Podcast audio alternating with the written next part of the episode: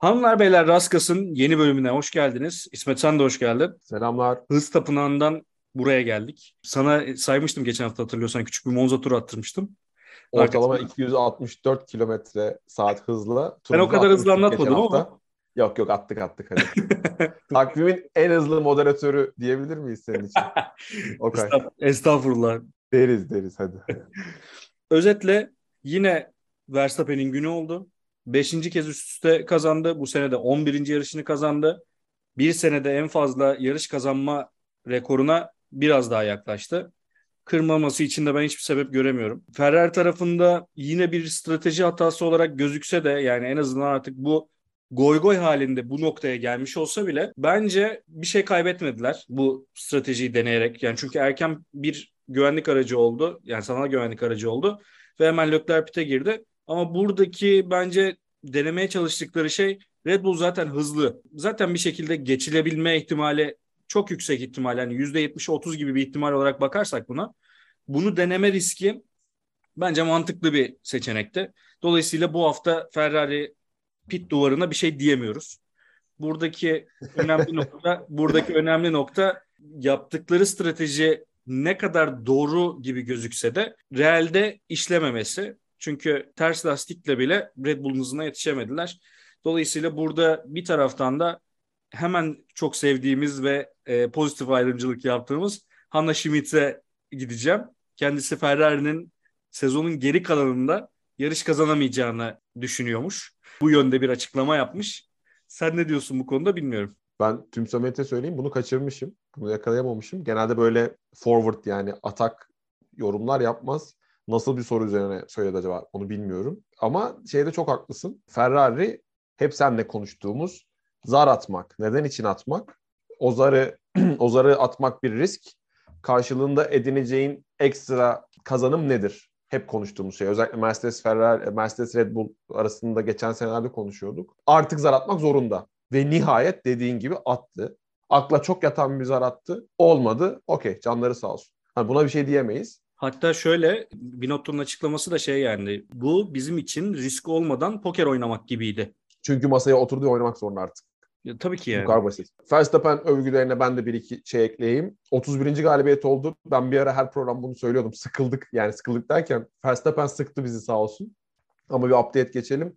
31. galibiyetini aldı. Tüm zamanlar e, GP kazananlarında e, Nigel Mansell'la egale etti. 31 galibiyetle oturuyorlar. 7. Evet. sırada. Bir sezonda en çok yarış kazanmayı geçecek mi dedin. 13 ile en çok 18 yarışlık bir takvimde en fazla galibiyet alan Schumacher var.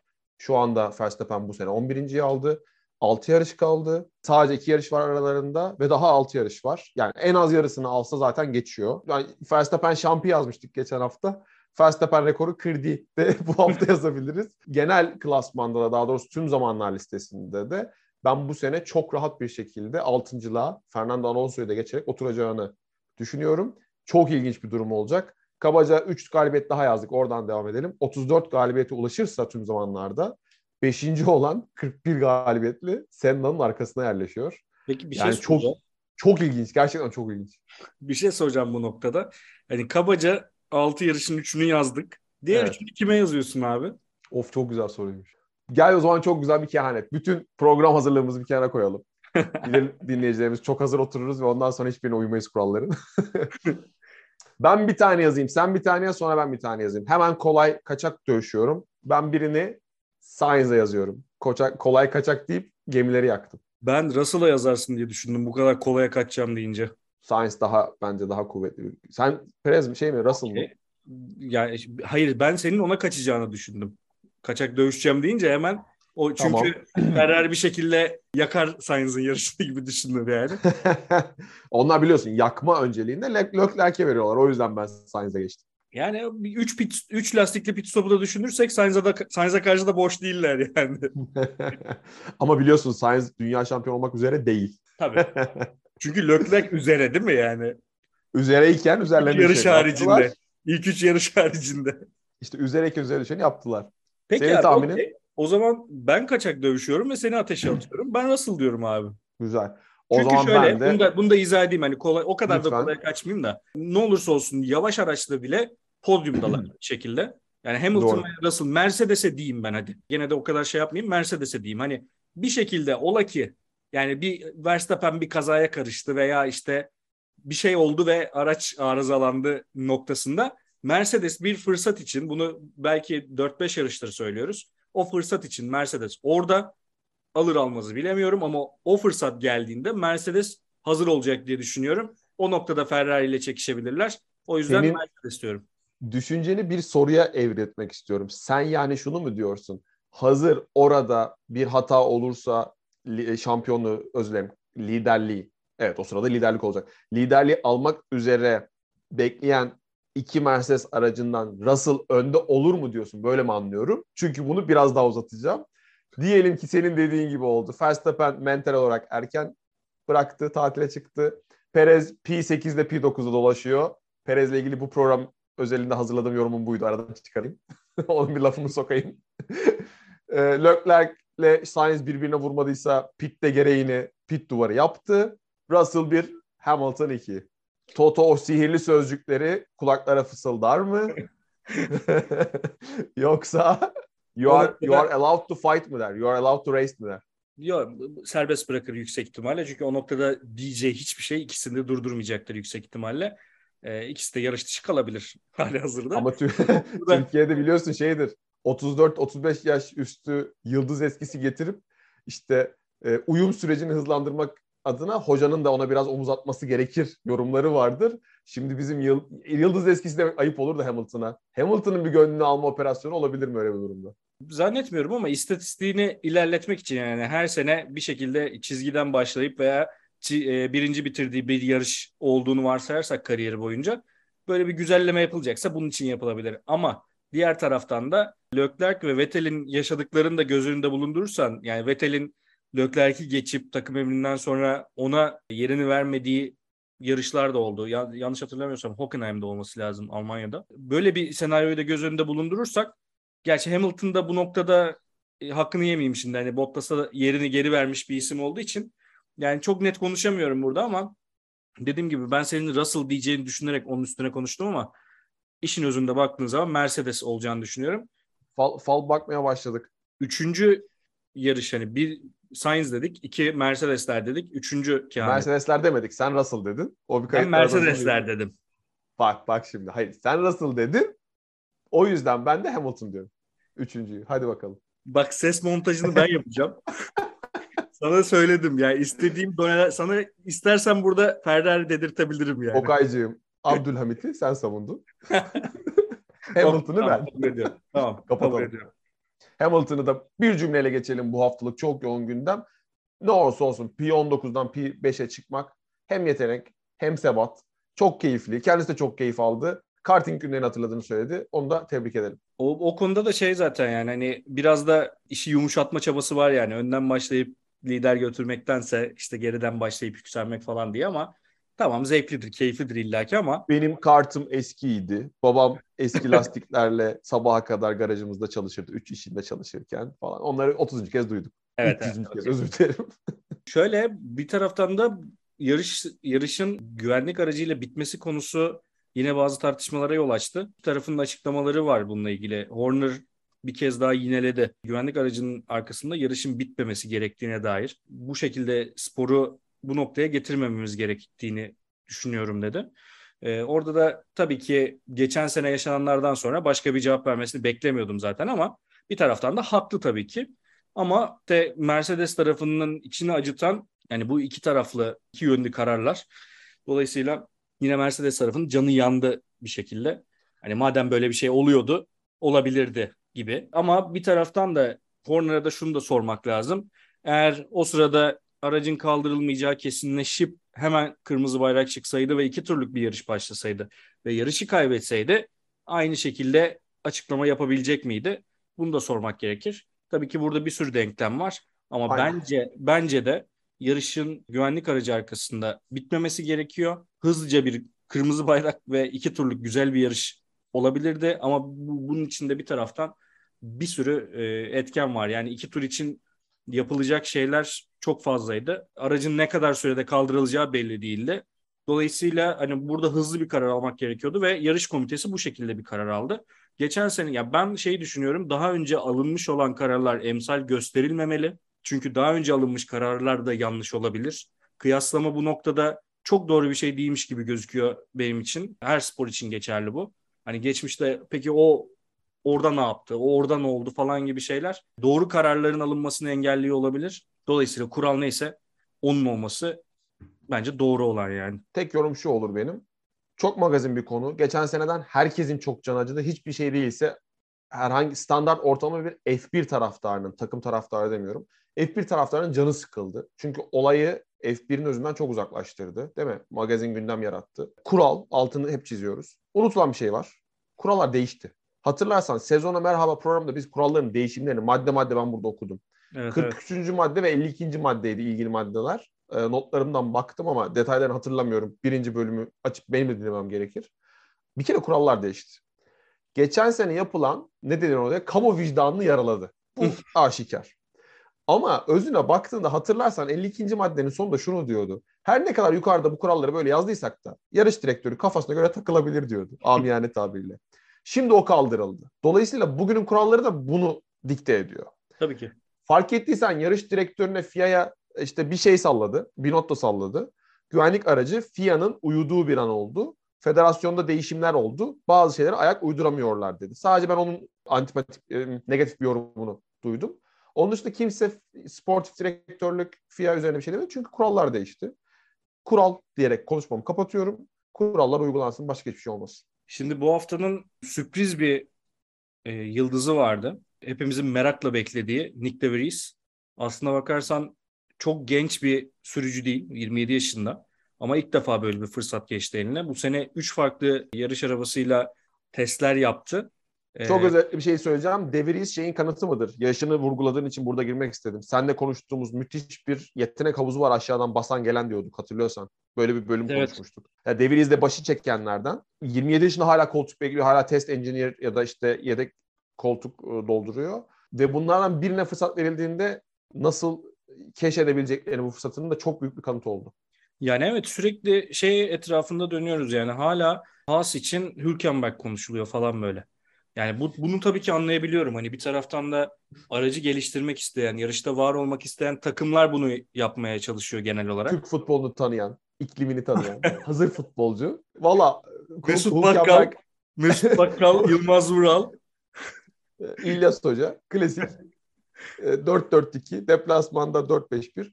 Abi Hülkenberg yani. haberlerini gördüğüm anda aklıma geçkinler hatırlar Kolibali geldi. Hikmet kaç Karan. takım gezmişti? Kaç takım gezmişti Türkiye'de sen hatırlarsın. 16 takımda oynadı galiba. Yanlış Rekor ondaydı. Ben Kocaeli Spor'la eşleştirmiştim. Bir de sanırım Ankara gücünde mi çok vakit geçirmişti. Öyle hatırlıyorum. Şey ya da oldu. gençlerde. Abi Hulkenberg hazır asker orada bekliyor. Adam belli ki evinde güzel bir cimi var. Sporunu yapıyor, fit duruyor. Ayşe Tayyip'e çıksın hop orada. Yüzde yüz katılıyorum. Yani Hulkenberg bu arada çok sempatik bir karakter. Hülkenberg. Hülkenberg. Hülkenberg. Hülkenberg. Sag's mal ein bisschen männlich. Hey. Hülkenberg. Hülkenberg. Ama yani evet, De Vries yani... gibi çok yetenek var. Bir an önce alttan gelsinler istiyoruz.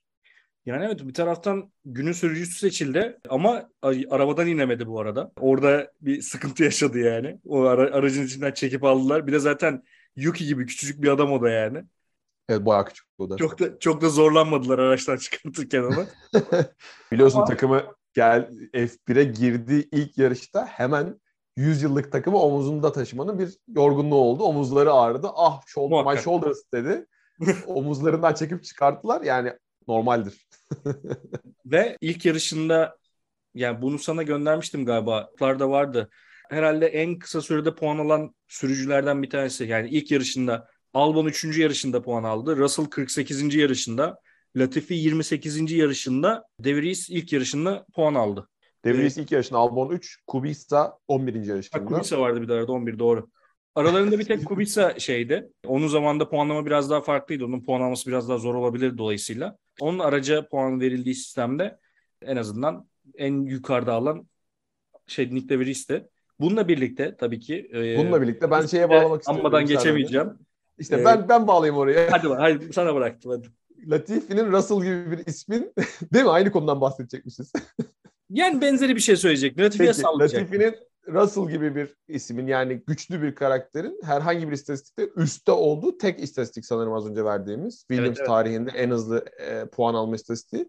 Zira kendisi yeni sınırları test ediyor. Bu arada Devir isim. bu, Lütfen. bu arada o Latifi'nin ondan önce puan almasının sağlayan da Russell bu arada. Hatırla, Doğru. hatırla o yarışı. Pite girmeden e, Latifi puan alacaksa beni es geçebilirsiniz diye anonsu var yani. Çünkü o zamanlar Toto abisine göz kırpıyor, mesajlar gönderiyor. Bak takım oyunu da Abim, tik tik, Toto oraya- abim. Abim oraya bir tik at. o başkaydı. Latifi abimiz sosyal medyada çok yaygın konuşuldu ama bu programda anılmadan geçilmez yani. Go Latifi'ye haksızlık etmek istemeyiz. 20 sürücülü grid tarihinde 21. bitirmeye, sınırları zorlamaya koşar adımla ilerliyor. Ben gerçekten buna uy- biliyorsun muazzam istatistik siteleri var. Çok faydalandığımız. Buna özel bir haber, bir istatistik bulamadım. Benim bulamadığım yok anlamına gelmez ama sonuçta 70 yıllık tarih.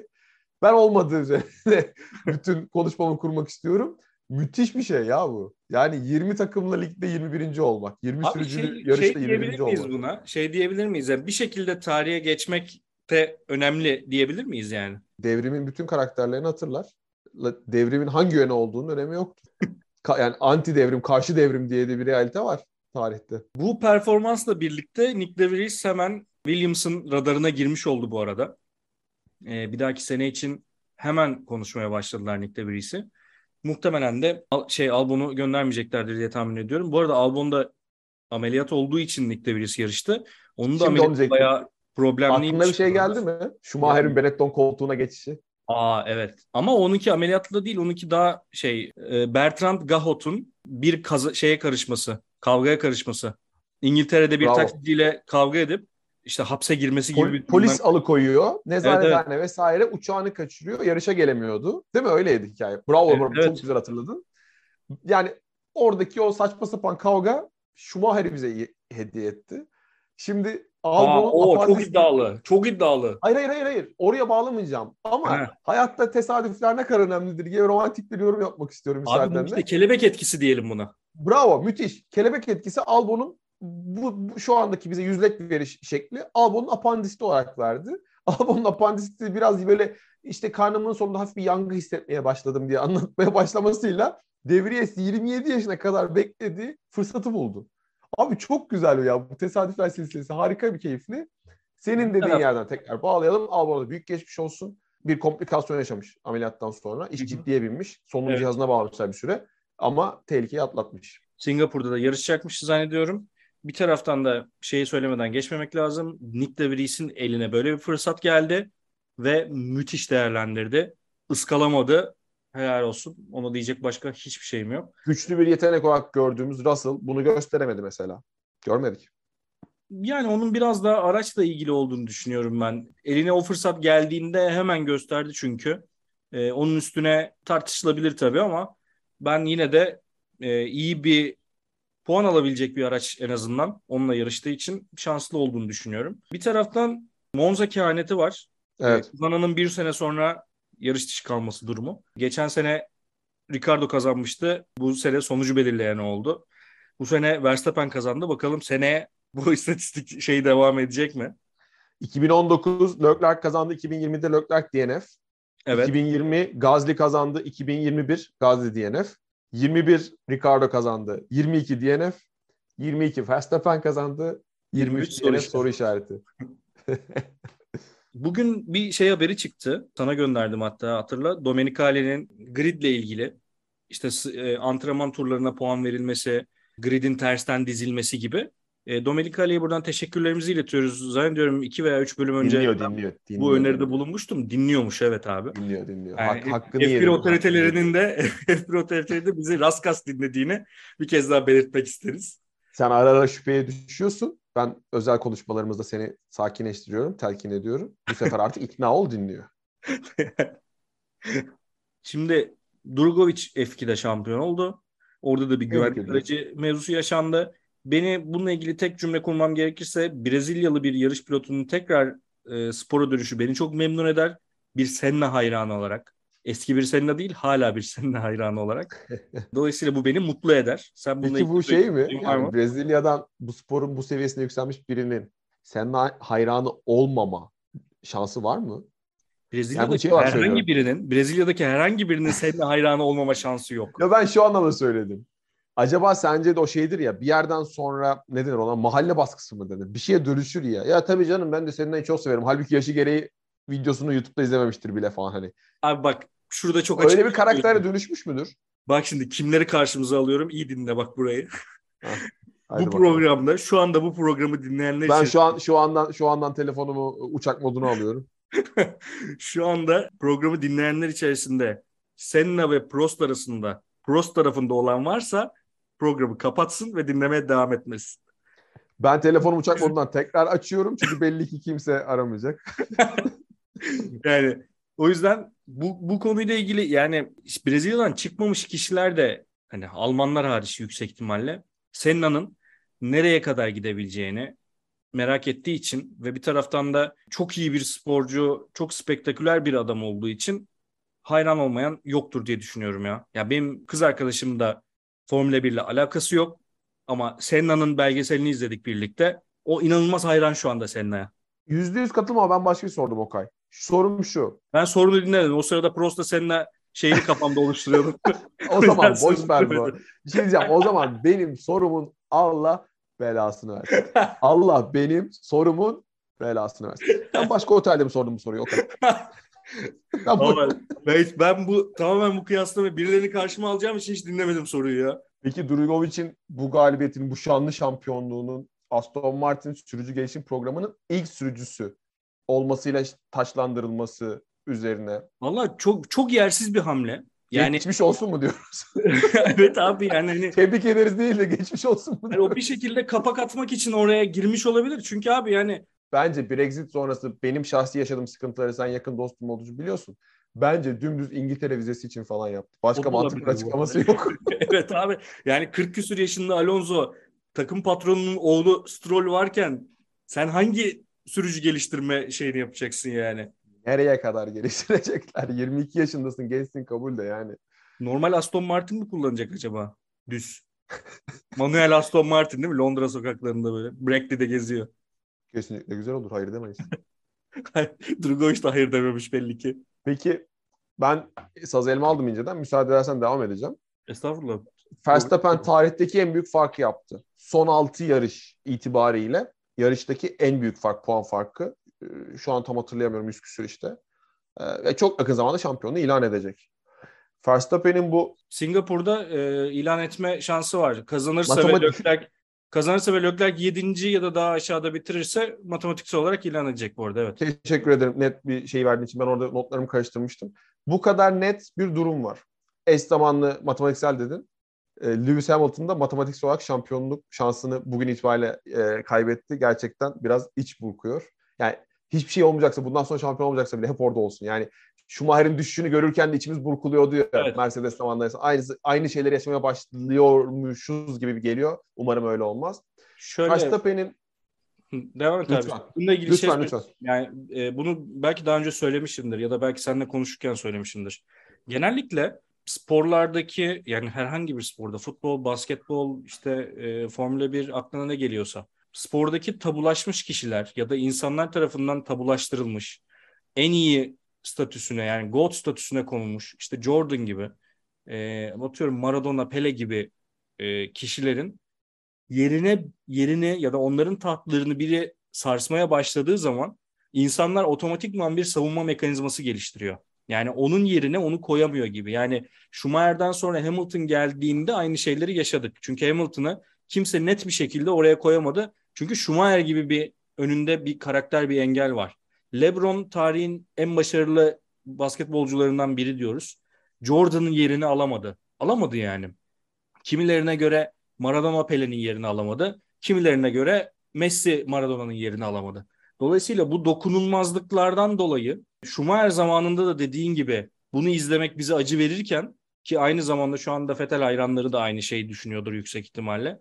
Dolayısıyla Hamilton'ın aynı şekilde olduğunu görmek spor severler olarak ya da Hamilton taraftarlarını üzüyordur muhtemelen. benim geçen programda söylediğim Hamilton seneye de yarış kazanacak bir araba sahip, arabaya sahip olmazsa bırakacaktır düşüncemin temelindeki neden bu. Yani Hamilton o noktaya bu şekilde gelmek istemiyor olabilir. Benim düşüncem bu tabii ki.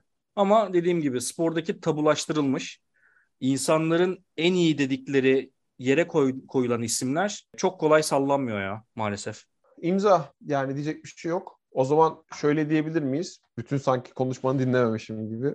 Queen is dead, long live king. Bir kral doğdu, bir kral öldü diyebilir miyiz? Yani Hamilton'ın krallığı mezarda Yani- mı? Şu an için çok erken hala. Peki bu kadar. Yok şey- ben aslında bu girizgahı yapmamın nedeni Verstappen'i biraz daha övmek iç- içindi. O kısmı yapayım da içimde kalmasın. Son birkaç programdır olgun sürüyor, sakin sürüyor, kaybedecek bir şey yok. Zar atması gereken diğer taraf dedik dedik. Ha, bu hafta artı itibariyle Ya tabii. senin yarışın bir ilk 5 turu sonrasıydı sanırım. Senin bana WhatsApp'tan yazdığın şey yani şey gibi bütün tuşlara basmış gibi mi dersin? Şifre yazmış mı dersin? Ya bir anda cuk diye orada bitiyor. Sen bana yazdığında ben daha yarışı açamamıştım. İşte dışarıdaydım. Açtım Russell'ın arkasında. Russell'ın arkasında olması da hani şey değil. Geçmeye çalışıyor değil. O an yeni gelmişti. Ben oturup içeceğimi doldurup televizyon başına geçene kadar da geçti. Gerçekten e, cheat açmış gibi. Tebrik ediyoruz. Araç şöyle- kontrolünü fulllemiş yani. Bu arada şöyle şu anda daha erken dedim ama en büyük aday da o şu anda. Yani onu da şey yapmak lazım, belirtmek lazım yani. Ee, bir taraftan dediğin gibi aracın bütün güçlerini fulllemiş gibi şu anda. GTA'daki yani şifreler vardı ya, şifre yazıyorduk. Onun gibi bir durum yani. Yani şu anda e, araç kontrolü fulle yazdı. Enter. Şifreyi unuttum şu anda. Buluruz yazarız. Verstappen VQ, gidiyor. VQ, Hamilton VQ, I, Maha. Peki şeyi söyler misin? Hamilton'ın şu anda ihtiyacı olan. Hatırlıyorsan yazınca böyle gökyüzünden bir tank iniyordu yolun ortasına. Hamilton'ın işini o çözer. Onu da bir bulursa dinleyicilerimiz yazarsa bize seviniriz. Ee, bir taraftan şeye gelmek istiyorum. Tabii ki üzücü bir olay yaşandı İngiltere'de, Britanyalılar için daha doğrusu. Queen Elizabeth e, vefat etti. Bu, burayla ilgili hemen şeye gelmek istiyorum. Yani sen yakın zamanda zamanında yani o zaman Prens Charles'la görüşmüştün. Şu anda kendisi kral oldu. El verdiğin kral Doğru. oluyorsa bize de bir el atar mısın? Ya dinleyicilerimiz bu şakanın şu anda hazırlandığıyla ilgili o kadar ikna değiller ki sanki provası yapılmışçasına ve yüksek ihtimalle sadece ikimiz gülüyoruz şu anda buna. Şey böyle hani her gün ben bu şakayı sana yapıyormuşum gibi. Tabii Öyle. doğru kelimelerle. Bu da bu sefer de mi olmadı? Çünkü olmuyor. yani tabii şey takribi işte kaç 75, 72 mi 75 yaşında mı Charles? Biliyorsun ben ona ortamda özel ortamlarda Charles diye seslenirim. Çok uzun süredir beklemiyordu yani. Bay geçecekti bizim Spor Toto lügatıyla. Bay geçecekti Williams'a. Ee, şans güldü. Ee, Elizabeth'ciğimize başsağlığı diliyoruz.